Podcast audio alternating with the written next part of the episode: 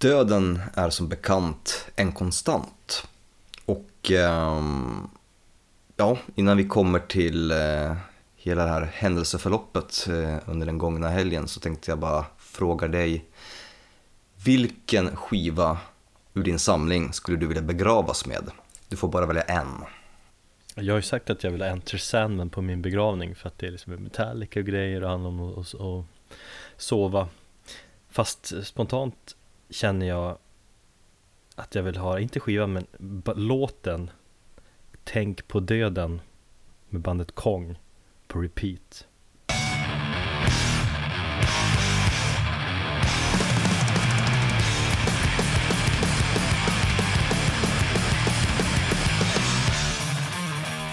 Du lyssnar på avsnitt 38 av Metalpodden eh, Med mig Erik och min kompis och musiknörd Thomas Tjena!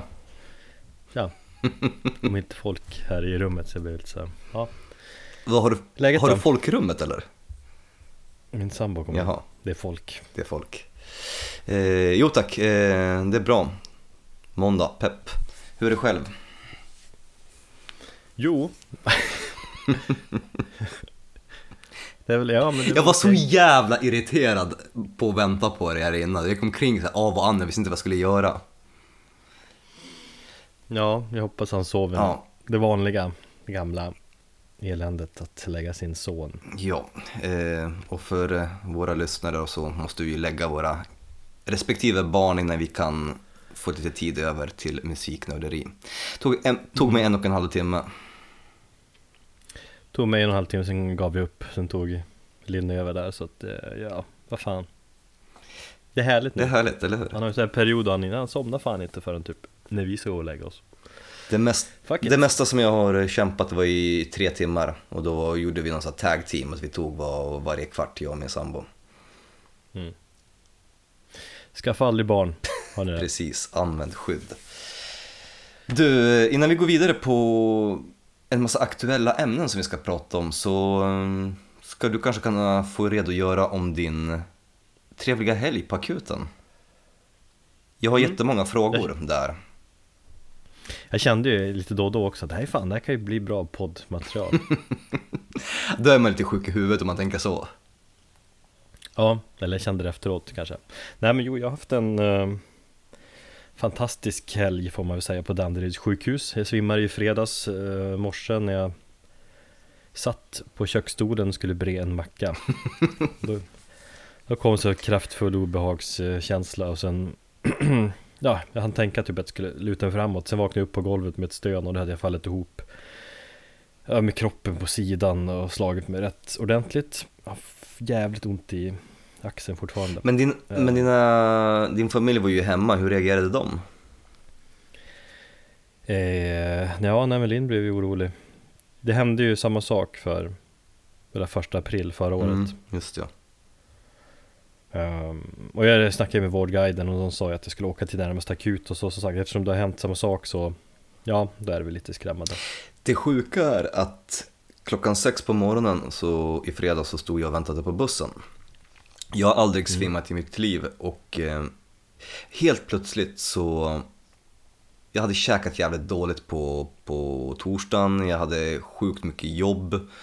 Jag gjorde ibland min dank-intervju, det blev jävligt sent på kvällen så, där, så när jag kom hem på torsdag kväll så bara hoppade jag mer eller mindre i säng. Så jag hade inte käkat på någonting. Och när jag stod där och väntade på bussen på fredag morgonen så bara helt plötsligt, och jag lyssnade på musik, så kände jag helt plötsligt hur bara allt blev tyst runt omkring mig. Och sen så hur mitt synfält bara smalnade av.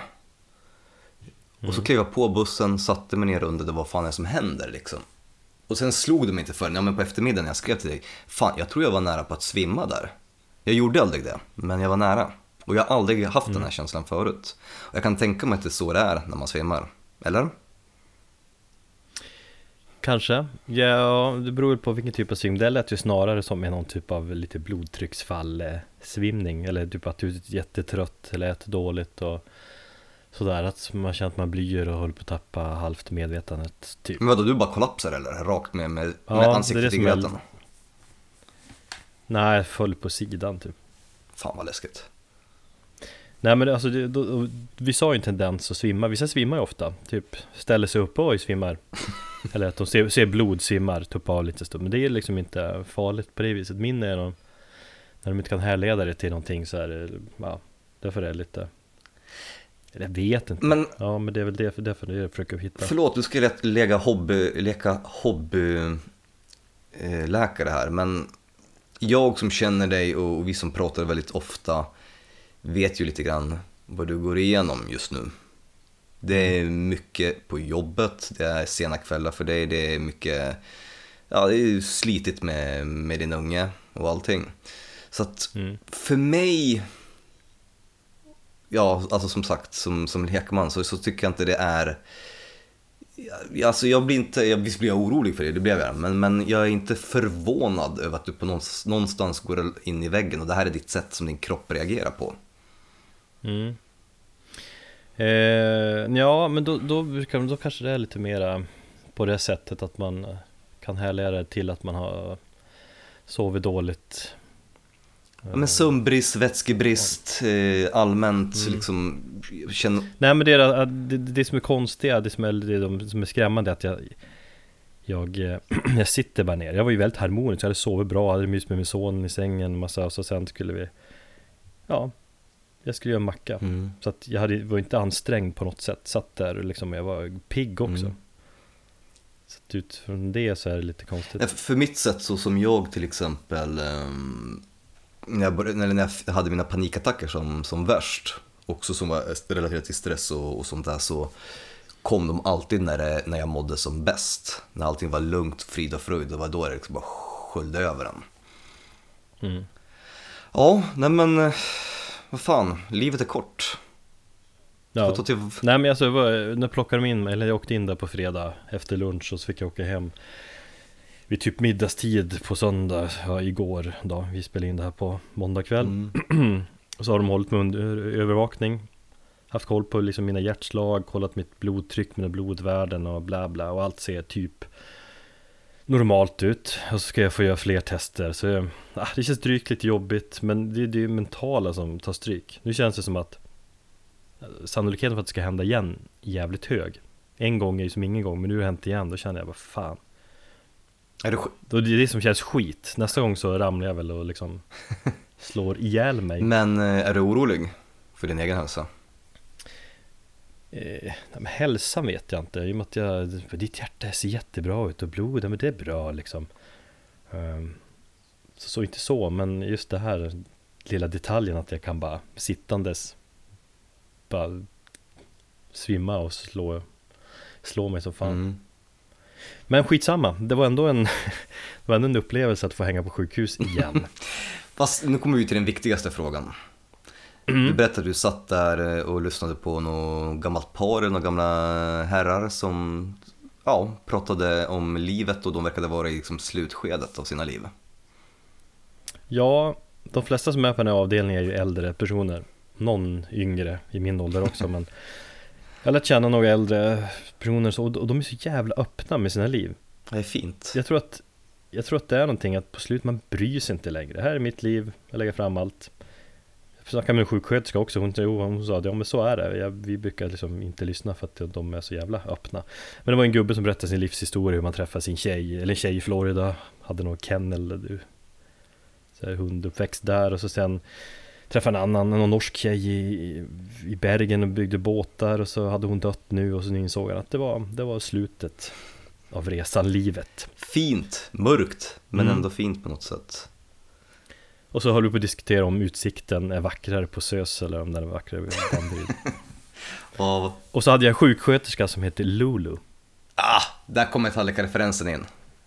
Ja, Men du, det jag ville veta eh, och som jag dör efter att få veta är vad hade du för samtalspartner där i din ensamhet på, på kvällarna? Jag kommer göra så jävla besviken nu. För jag tänkte ändå bara, men okej, då får jag ligga här i 48 timmar och kan lyssna jättemycket musik. Men jag var så jävla mentalt trött blir man väl liksom. Och så här sover man jävligt dåligt av liksom alla ljud och går ut, ut och in folk. Folk tar prover på en och andra och liksom det är massa larm hela tiden och oskön säng och så bara ont i sidan. Jag kunde bara ligga på rygg, vilket jag inte gillade att göra. För jag hade sladdar kopplade på ryggen och allting. Mhm. Eh, så jag lyssnar typ inget, eller knappt på någon musik. Jag lyssnade på nya Mastodon-låten massa gånger. Och så såg jag hela Midnattssol, säsong 1 där.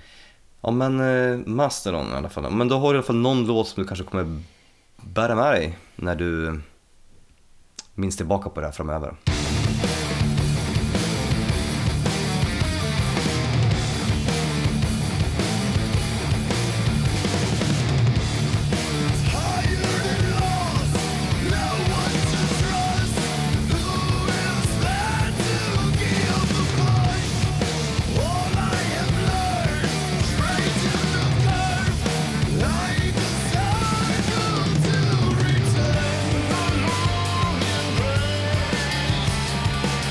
Idag ska vi snacka massa, eller massa, vet jag inte, men lite musiknyheter. Ja, lite saker som vi känt att eh, vi vill ta upp, lite aktuella saker. Ehm, Ja, och sen så avslutar vi med en liten fin lista. Så får, kanske jag får lära, Med lite rock. kanske jag får lära mig någonting där. Ja, musiknyheter och sen blir det rock. Men du, eh, det har ju kommit en massa roliga nyheter här. Graveyard, de är tillbaka. Mm. Minus Axel på trummor. Precis. Vad tycker vi? Jag tycker ändå att det känns lite med. Och är bara liksom min spontana Tack. reaktion. Tack, jag känner också med. Man får känslan av att du var tvungen att lägga ner bandet för att kunna starta om igen utan trummis istället för att ge han kicken typ. Eller de la väl ner på grund av personal issues, tappade orken och det där snacket. Ja, Eh, Men visst, det är väl härligt att de återfått energi, men det gick ju ändå jävligt fort. Kan vi säga att det var rekord i återförening? precis det jag tänkte, tänka, säga, jag tänkte säga. Jo, nej men nu känner man ju inte till historien här bakom bandet och väldigt mycket integritet och vill inte prata om det. Vilket jag tycker är, jag respekterar att de på något sätt inte försöker, till skillnad från andra band, ha någon öppen fight i media. Däremot så kan jag tycka de kanske var tvungna att lägga ner för att kunna inse, och jag tror inte, de kanske både, eller mm, bandmedlemmarna kanske inte trodde att de skulle starta upp det här så pass snabbt. Men jag blir nästan lite så här. Fan ta bara en paus, säg ingenting, håll er borta från sociala medier. Ni behöver inte ens säga att ni lägger ner utan håll er lågt jätte, under en tid. Så, så slipper man få den här, ja men nu lägger vi ner, nu kommer vi upp. För det blir lite pajigt där. Men de hade ju tänkt säkert tänkt att lägga Jo, ner jag sen tror det. Suget igen. För annars, ja det känns ju som så. Men det blir ju känns, lite, lite pajig känsla. Mm. Men vad, vad, ja, nej, men jag är lite kluven till hela återföreningen. Jag hoppas att det blir, när de är tillbaka, att det blir mer ös igen. Det hoppas jag också. Men samtidigt känner jag att Axel, han, han var så jävla stor del i deras sound liksom. Mm. Och hur de var live. Så spontant känns det som att det blir väldigt svårt att ersätta honom. Och då har de inte gjort, de har ingen ny trummis väl? Utan de bara, vi ska fortsätta och skaffa en trummis. De har inte annonserat ut än. I alla fall inte när vi spelar in det här. Sen om det kommer någonting i veckan, det är sak. Ja, men vi kanske kan säga att det var bara en lite längre paus istället för att en återförening. För att jag skulle inte vilja använda det ordet. Återförening är inte ens en, det kommer inte ens använda i det här eh, sammanhanget. Nej, Men jag håller med dig, Precis. mer, mer ös. Eh, vet du, Innocence and Decadence var lite små försumnig för min smak.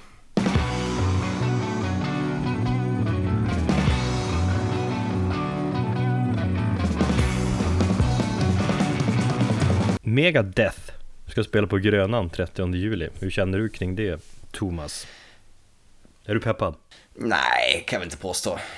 Jag är inte speciellt peppad i bandet överhuvudtaget, det vet du. Jo, det är ju lite mitt i eh, industrisemestern typ. Eller ja, jag vet inte som jag kommer vara i stan då, men spontant så måste jag ju gå. Alltså jag hatar ju, jag hatar egentligen den där Grönan scenen. Men Dave Mustaine är ju för mig, eller han är ju en ikon. Jo, Han är ju liksom gudfader inom thrashen så och, och, och då gånger jag sett Megadeth förut så har jag ju gått bananas om vi säger så här, om du går och eh, jag har en lucka ledigt så vore det jättekul att gå med dig så att vi kan scrolla i alldeles för dyr eh, Mariestads guld. Nej, inte heter Mariestad Mm. heter det bara. Eller Norrlands guld. Som är så Nu ska vi sjuka åka, priser ja, ska vi åka Vilda Musen Nej men de har ganska schyssta drinkar där på sidan om Där blandar de starka eh, rom och cola Mm, men du ska ju inte dricka något mer, har du sagt. Nej exakt Det frågar de faktiskt om, eller läkaren frågar mycket om eh, Röker du? Nej dricker. Jag bara, det händer. Ja. Eh, två öl per dag snitt, ligger du där omkring. Det är skadligt visst. Men då ligger du på två öl om dagen? Nej, han frågade mig om det och du sa nej, det gör jag, jag inte. Kanske gjorde det liksom förr i tiden. Mm. Men det gör man ju inte nu. Du ser, du får börja ta hand om det så kanske jag kan slippa om jag får en liksom, gin och tonic uppkörd i ansiktet klockan halv ett på kvällen på krogen. Och så kan vi åka hem tillsammans. Men det är ju mitt, det är mitt peppande fylljag, jag blir så. Jag vet, men, jag eh, gillar det. Men ja, det är slut med det. Men jag kände där i fredags, snackade läkaren också, snackade mycket om träning. Att träning det är det bästa. Det är så bra. Så jag, jag kommer, jag ska fan börja träna mer, dricka jävligt mycket vatten. Och sådär. Bra. ja. Megadeth. Jag kan säga så här, visst, när man, när man kollar liveklipp och så är inte sången så bra och mm, sådär. Men live, då hör man inte det på samma sätt. Då, blir, då ser man bara Dave Mustaines riffhänder och njuter. Riffhänder. Ja men när man kör med klassiska jävla thrash-riffen, bara vrunka gitarren upp och ner. Då- Ja, man kommer ju fortfarande vara så halvt böjd och stå och mumla framför micken och bara och vara väldigt sur. Ja men så bara håret framför sig, det är coolt. Han är inte Det cool är någonstans. Mustaine. Men vi kan göra en pakt. Går du och jag kan gå så går jag för din skull. Jag har själv personligen ingen som helst vinning. Jag åker hellre dit och bara åker den här jävla vilda musen än åker hem faktiskt. En pakt. Vad, vad ska jag göra för din skull då? Fan, jag får komma på någonting. Ja men eh, Grönan-scenen annars, den är ju- jag tycker, jag såg upp det för, ja det är för sig ganska många år sedan nu, men det var jävligt bra och så har jag sett någon Danko-spelning som jag gick igång på också, men så det kan ju vara schysst, speciellt om det är mörkt. Y'all came and unplugged it. Dave Mustaine came and unplugged it. Slayer. Slayer! Mm. Knyter näven. Slayer! Ja. Ehm, det har ju varit en jättekonstig cirkus kring Slayer på sistone. Eh, eller den senaste veckan. Och ja, man kan... Tusen Blabbermouth-artiklar typ. Ja, verkligen. Så att jag ska försöka att återberätta den historien väldigt kort och koncist och i någon form av kronologisk ordning och få se om jag har själv uppfattat det rätt. Det började förra veckan med att Tom Araya la ut en photoshoppad bild på bandet som ungt tillsammans med Donald Trump som gör djävulstecknet. Fine. Jag har inget problem att ett band lägger ut eh, en bild på Trump, speciellt när den var så rätt så dåligt photoshoppad och det var inte riktigt.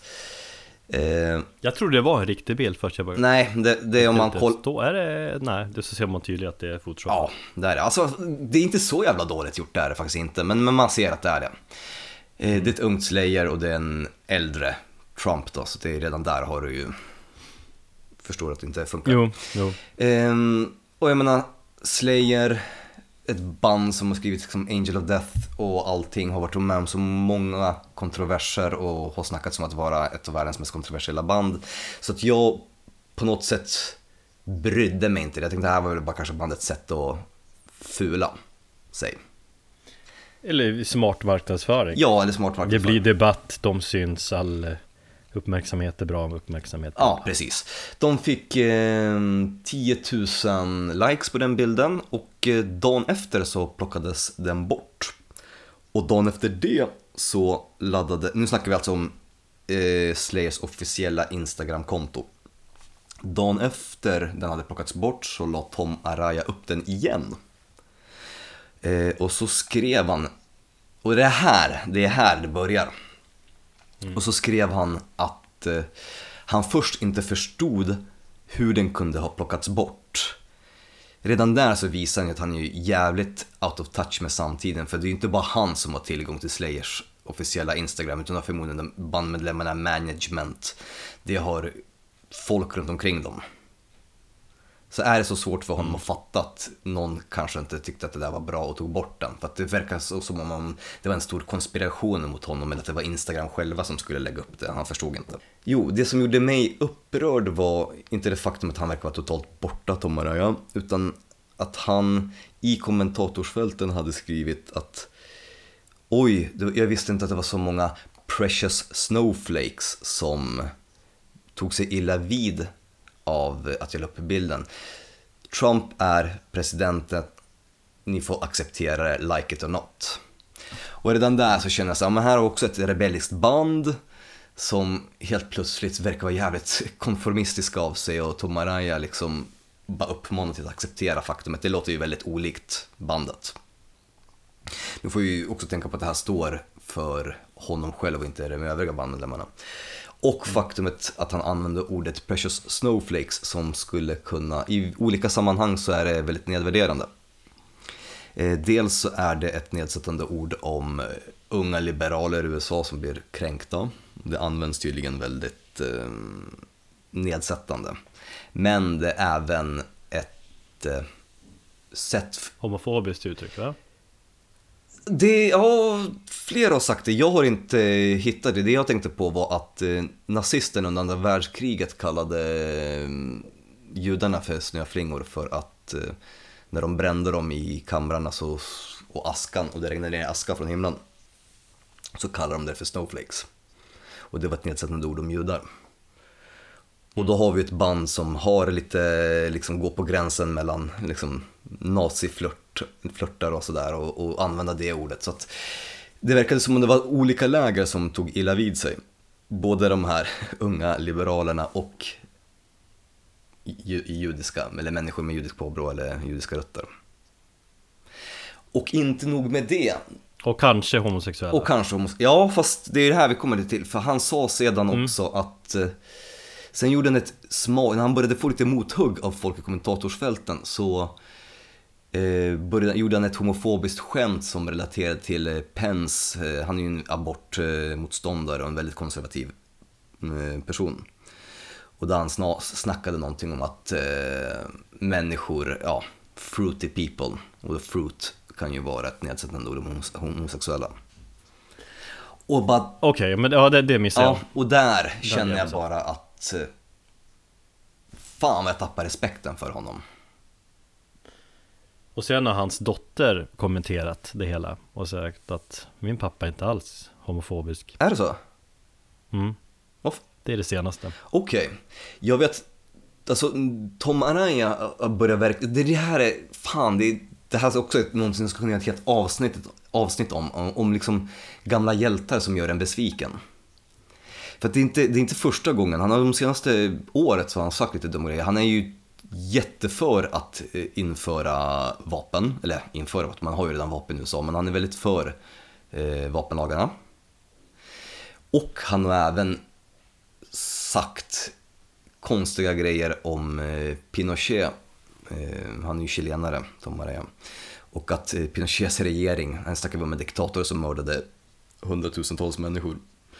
Eh, att hans regim inte var så jävla dålig. Och det är också så här, var går gränsen för att det här är Tom Araya i Slayer som pratar eller att det här är hans personliga värderingar? Det börjar mer och mer visa som att det här är hans personliga åsikter. Och Kerry King, som de flesta brukar uppfatta som ett as, som brukar vara en person, han är den som har varit den intelligenta i, den, i hela den här diskussionen och det var ju han som gick ut och gjorde ett officie- officiellt statement och sa att det här är en åsikt från en person och inte från bandet. Det är i och med att Kerry King är liksom den generalen över Slayer. Han vill ju hålla det där äh, att Slayer har i stora drag alltid liksom låtit bli att lufta deras politiska åsikter. Som band alltså. Ja, Eh, och de ville väl ha det så, det är väl det Kerry King styr. Men som sagt, det, ja, fast, fast hade det varit nej. tvärtom att Kerry King hade... Nej, eh, Kerry King är ju själv, alltså, okej, som band vet jag inte riktigt, då kanske de försöker hålla någon form av enhetlig linje, men han är ju själv bara några dagar, eller om det var i höstas, så gick han ut och, och, och förklarade sitt stöd för Hillary Clinton. Och det har ju Gary Holt också gjort i bandet, att de tycker båda att de här presidentkandidaterna är ett nödvändigt, alltså båda är onda, men av, liksom, måste de välja av två stycken onda saker så väljer de det minst onda, vilket är Hillary Clinton. Du, Gary Holt har väl uttryckt sitt stöd för Bernie Sanders väl? Han är ju som den gode i, bandet. ja absolut, ja men långt innan tror jag, men sen när det blev bara stod mellan Trump och eh, Hillary Clinton. Så tror jag att de båda har sagt, jag vet att Kerry King har sagt att han, eh, eh, ja, han stöttar Hillary Clinton. Så att de, de är ju politiskt uttalade och de har ju redan snackat öppet om det i flera andra intervjuer så jag förstår inte det där resonemanget att han skulle försöka styra Tom Araya, sen att Tom Araya bara går ut och gör någonting klantigt, det får väl stå från honom. Det är sånt extremt val som har varit, presidentval som har varit nu också så att det Det känns som att det glider det kommer fram sådana här saker lättare än i ett mer normalt amerikanskt presidentval på något vis. Det sorgligaste i hela den här historien, det är liksom... Jag är inte sådär jättekänslig, jag tycker att det här var till viss del över Trump, i alla fall när han började gå och köra de här homofobiska skämten. Där tyckte jag att nej men nu tappar jag respekten. Men det här att lägga upp Trump-bilden sånt där, det kan jag, kan jag på något sätt ändå köpa. Men det faktumet är att när jag tittar och när jag tänker tillbaka på de här, de här sakerna som Tom Araya har sagt och gjort och i synnerhet här när han la ut de här bilderna på Instagram. Det känns som att någon har bara så här gett sin fulle morbror en, en, eller en morfar en, telef liksom en telefon här, gör någonting med den. Och han bara, nu ska jag liksom klicka in mig på sociala medier och uttrycka mina åsikter. Han känns så otroligt gaggig och out of touch med samtiden. Samtidigt har de sagt den där historien med att alltid vara lite sådär äh, De gillar att uppröra Ja, men... Och det var väl det han försökte göra då, och så blev det fel Speciellt hans reaktioner efteråt Ja, han sa, han sa ju sedan att han Fast det var också, det var, det var ett rätt så patetiskt försök att eh, på något sätt vända på steken och, och säga så ja men jag visste att det här skulle uppröra folk, det var därför jag gjorde det. Jag har aldrig någonsin sagt att jag är en Trump-supporter, jag har aldrig sagt så här. Fair enough, du ville kanske uppröra men det slog tillbaka rätt hårt på dig och sen så visar du ändå dina sanna färger med att dra sådana där skämt. Ungefär så. Mm. Jag, blev, jag tyckte det var lite, lite osmakligt. Ja, för samtidigt så känner man att allmänt de, de här banden, liksom, eller stora sådana här band som har varit funnits för evigt jättelänge, man, man har ju ändå någonstans inställning att de borde vara öppna och medvetna. De är ofta på resande fot, de har besökt eh, hundra länder. De har sett världen. De Precis. bor inte, eller de har inte alltid bara varit instängda i USA liksom. Och som band så borde du, du har ju så mycket följare och du är en offentlig person, du borde kunna tänka till lite mer. Du har ett ansvar utåt. Mm. Vad du sen säger med dina vänner eller inom bandet, det får väl stanna där. Men fan, det är så mycket människor som ser upp till dig.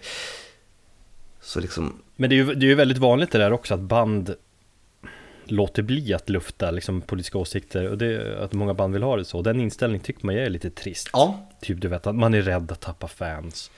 Det kan jag hålla med om. Men jag ser ju hellre att man för helvete står upp för sina politiska åsikter. Å andra sidan, om det visat sig att hela Slayer då stöder Trump så blir man, då kanske man inte hade varit så roligt längre. Nej. Jag tänkte spontant en lek. Jaha.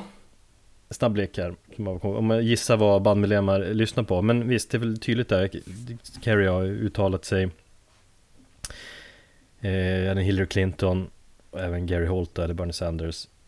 Araya, kanske man känner att han är lite Trumpig då, då. Han är nog mer höger än eh, vad man tror. Han är republikan i alla fall. Eh, vi fortsätter med lite andra thrash-giganter. Dave Mustaine, vad röstar han på? Han är ju eh, republikan. Mm, men röstar han på Trump? Det tror jag inte. Eh, Scott Ian? Scott Ian är... Nej, han är eh, demokrat va? Han, han känns jättemycket Hillary Clinton. Ja, han är i alla fall inte Trump med tanke på hans, han är ju själv judisk påbrå. Så han kan ju inte, han skulle inte kunna, det skulle inte rimma, eller gå stick i stäv med hans, att rösta på Donald Trump. Nej. Jag tycker det är lite fascinerande med Metallica, det har ju varit, de har ju varit um, ovanligt politiska. Lars Ulrik har ju uttryckt lite så här om att det här ska flytta ja, just det. härifrån. Och Kirk Hammett har varit, såg du hans liksom tweets med, skrivna med versaler att man ska stå upp för demokratin och rättigheter och så när, när Trump ja. blev president. Jag, det är jätteovanligt för att vara just Metallica. Jag har sett jättemånga artiklar på nätet med eh, där, de, där um, Kirk Hammett får vidga sina åsikter och ja, vad han säger är rätt så tydligt sin avsky gentemot Trump. Men jag tycker inte det är fel, det man Det är i de här tiderna, det är om nu som vi måste stå upp för varandra och visa. Jag tycker inte det handlar så mycket om politik som det handlar om vanliga mänskliga värderingar. Jag är glad att personer som tidigare kanske inte varit politiskt uttalade i band och sånt där går ut och visar vilken sida de står på. Mm. Ja, det känns jätteviktigt. Det känns det, så att fan, an- det är dags att ta ställning. Antingen är det för eller emot och håller du käften så är det emot. Lite så känner jag. För vi Ja. går mot sådana tider.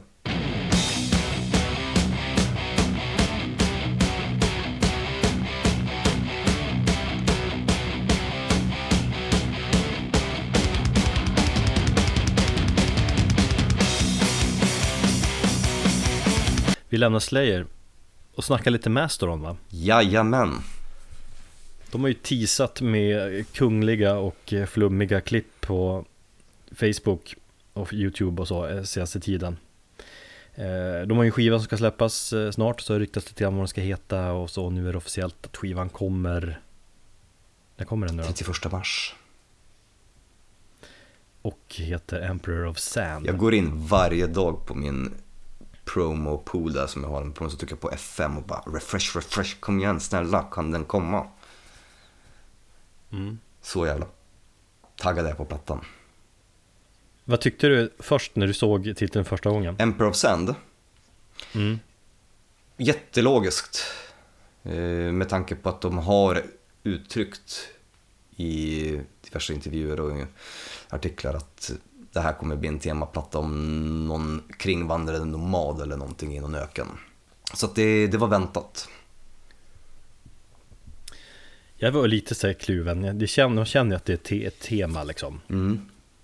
Emperor of Sand Men sen när de släppte det här uh, Making of Emperor of Sand Part 1 typ Men innan vi går in på Nu. det, så vad tyckte du om omslaget Mm. då? eh, Den har växt Mm. Jag, jag är inte hundra på omslaget än, Nej. men, men det växer. Det är lite så detaljer som gör det coolt och Ja. sådär Och den När man får den på vinyl och kan titta på den noga, då kommer det vara jättebra Du har förresten... Du kommer ju bara, du kommer ju bara se det på din lilla Spotify-app Eller vad du nu har för Nej, jag ska ladda ner och skriva ut i, i 300 dpi. Ska jag sätta upp det på väggen. svart, i svartvitt Ja, precis. Jobbets laserskrivare. Ehm, ja, nej men ehm, innan vi går in på de här the making of så skulle jag vilja prata lite om låten. mm. Ehm, vad tycker du om den?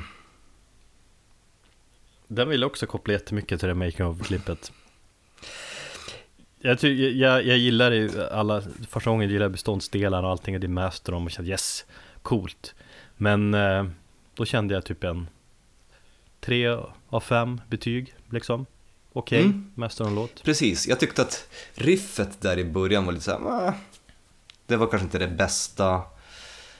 Eh, Men för varje gång jag lyssnat på låten så bara växer den, växer den och växer den. Och snart kommer vi till det här, Mm. vad som hände när man såg den första delen av The Making of. Men jag, tyckte jag tyckte så här, men riffet var okej. Men det är någonting i den låten, och jag tänkte just på att den är, det är ju första spåret på skivan. Den är jävligt fin för den bygger upp och den blir ju så jävla mycket snyggare mot slutet när de kör eh, det här outrosolot. mm. Och sen så Braun Dailers eh, rensjungna sång bara växer också så att det är som att den så stegvis går uppåt. Men jag tyckte också så här initialt när jag lyssnade på den så var det ja men 3 av 5, stabilt. Det är så jävla coolt att alla sjunger också, eller alla utom Bill i alla fall Men, men han har tydligen skrivit jättemycket på den här skivan, eller hur? ja. Men det verkar som att han är riffmästaren Coolt. Nej, men eh, sen är vi väl båda överens om att eh, låten växte enormt mycket efter att jag hade sett eh, The Making of, eller hur? Den släpptes i fredags Ja. va? När jag låg där på sjukan eh, Och när de berättar om temat om, om, ja, om skivan och om, om låten och så Mm. eh, Emperor of Sand är en metafor för, för cancer och för den tid man har Man har kvar när man får beskedet Just ja. Det är ofta det man får, okej hur, det är så allvarlig cancer, hur, hur många hur, hur lång tid har jag kvar? Det är ett tema som eh, De känns. Ja, Istället för mig, jag låg där bland alla döingar. Tänkte jag kanske själv också är döende. Eh, sen har jag ju cancer i min, i min närhet. Eh, med släkt här och det påverkar ju verkligen alla. Det är brutalt. det är det. Och det verkar som att alla i bandet också blivit eh, påverkade av cancer på ett eller annat sätt. Mm. Du sa ju där att eh, du fick en klump i halsen, Fick en tår i ögat. en tår i ögat. Då var det jag som fick en klump i halsen. Jag har tittat på den sen. Jag såg den också på fredagskvällen där efter att du skickat den till mig. Eh, och sen så såg jag den på morgonen efter och den var fortfarande lika fint. Och just det här att, att det är så otroligt vackert, fyra människor som i all den här, fyra individer som i, i den här sorgen och i allt det här tragiska på något sätt hittar någon form av kärlek. Och det som eh, Troy Sanders säger där i slutet av klippet att det är de här fyra, det är vi. Utan det här så har jag ingenting annat liksom. Ja, det är fint. Och att de ändå på något sätt kan närma sig ämnet, ett så pass allvarligt ämne med eh, humor som de också gör. Mm. Nej, jag, jag, tror att, jag tror att det här kommer bli en fantastisk skiva faktiskt. Och som sagt, se det här eh, making of klippet eh, om ni vill få en bättre förståelse för låten och om det inte riktigt har fastnat för för att det, det sätter sig i hjärtat. Verkligen. Alltså skivan får ju automatiskt nu innan man ens har hört den plus ett i betyg Ja, På grund precis. av temat och så. Det känns ju, och mörkret som omger den Det, det känns, Mm. det är bra Ska vi ha en jättestor Mastodon special där innan skivan kommer? Vi måste göra Mastodon special Mm. Och göra Det är ändå eh, kanske sitt absoluta favoritband på något sätt eh, Eller ska jag säga så? Nej men det, det, det är i alla fall skivan som vi peppar mest tror jag Båda två, mest i år Så Ja, vi får suga lite gör en, Let's suck a little bit on that caramel och vi kommer tillbaka med en jävla massa olika listor.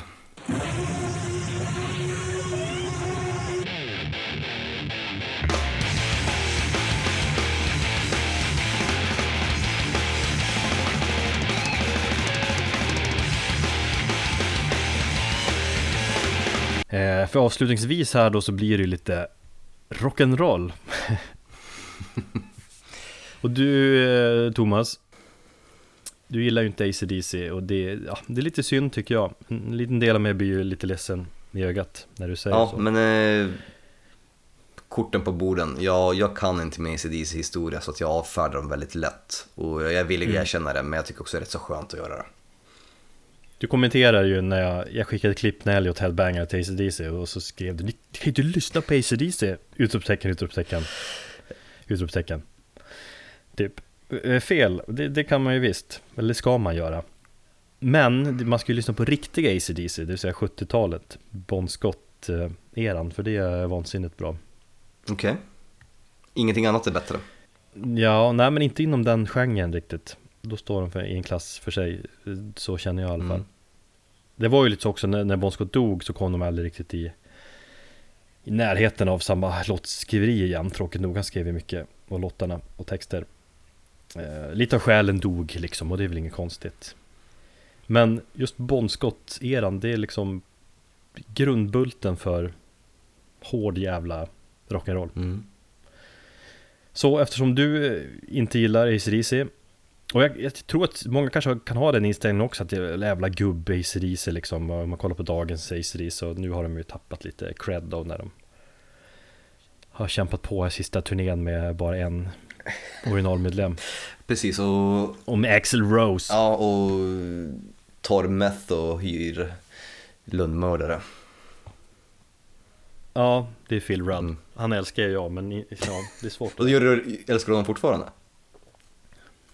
Nej men alltså, ja, han, ja, jo men han är ju kungen men alltså han Jo, man har ju tappat lite respekt för honom efter det Han känns lite patetisk När han kommer där med utan tänder och, ja, äh, fan Det är tråkigt Meth, not even once. Man kollar på Phil Rudd nu och så sen, så ska man nästan bildgoogla han Phil Rudd young Alltså när han är Mm. ung eh, Och kolla hur söt och fin han är Han var rätt eh, het. Ja, han var en jättefin Mm. Inte åldrats så väl. Det är så meth Det, det var... Nej, men de har ju liksom rökt och knarkat och supit. Han har haft mycket problem, alltid haft problem med det. Han har ju hoppat av bandet tidigare på grund av strul och sånt där. Mm. Men eftersom, eh, som sagt, du inte gillar ACDC så tänkte jag köra en vad ska jag kalla listan då? Tre jävligt bra Bon Scott eh, ACDC-låtar som kanske inte är jättekända. Alright. Jag kommer inte köra de här mest eh, klassiska hittarna utan lite låtar som är bra men som inte så många känner till. Kanske. Mm. För Bon Scott, han var ju, han var ju sån jävla härlig karaktär. Han var ju nästan tio år äldre än de andra i bandet. Jag tror han joinade bandet när han var typ 28 bast. Där tidigt 70-tal. Eh, Så han hade liksom kämpat på i flertal lokala band där i Australien. Typ The Valentines, tror de heter. Alright. Uh, Youtubar om för att se svartvita klipp på, från 60-talet. Fan vad kul att sitta i den här änden och inte ha någon koll på vad du pratar om och bara lyssna. Jag Ja, känner att jag, eh, att jag lär mig någonting. men målet är ju för dig att bli lite ACDC-kille. Ja. Så att du nästa gång syr du fast en patch, ACDC-patch på din snygga jeansväst eller något. Jag hade en ACDC t-shirt en gång. Sen insåg jag att jag kunde inte bära den för att jag gillar inte bandet. Köpt på Carlings, Såklart. såklart. Mm. Men är, ju- jag tänkte efter, det är ju jävligt många band också som är influerat eller som är influerade av ACDC. Jag läste en intervju nyligen med Matt Pike och basisten i High On Fire, vad heter han? Skitsamma, Ingen aning. den där okända. De hyllar ACDC som en stor inspirationskälla. Just det här att de, det är ändå simpel musik, eller hur man kan vara nyskapare men ändå skapa något. Eh, Eller hur man kan vara liksom nyskapande fast ändå spela någonting enkelt, så ska jag uttrycka det. Vet du vad, jag lyssnade på, igår så hittade jag ett klipp på nätet där de eh, Så här slutar varenda ACDC-låt. Och så var det en sån här Mm. compilation. Jag hade delat ett där minne på Facebook som min brorsa hade skickat till mig, så det var antagligen det du såg. det var därifrån. Så, ja, du har rätt i. Det var jättekul. Ja, det var jävligt kul. Man tror att det var det roligt, men det blir roligt när man liksom typ 15 låtar in, eller 15 slut in. Alla låtar lå- eller slutar ju likadant. Damn, damn, damn. Damn.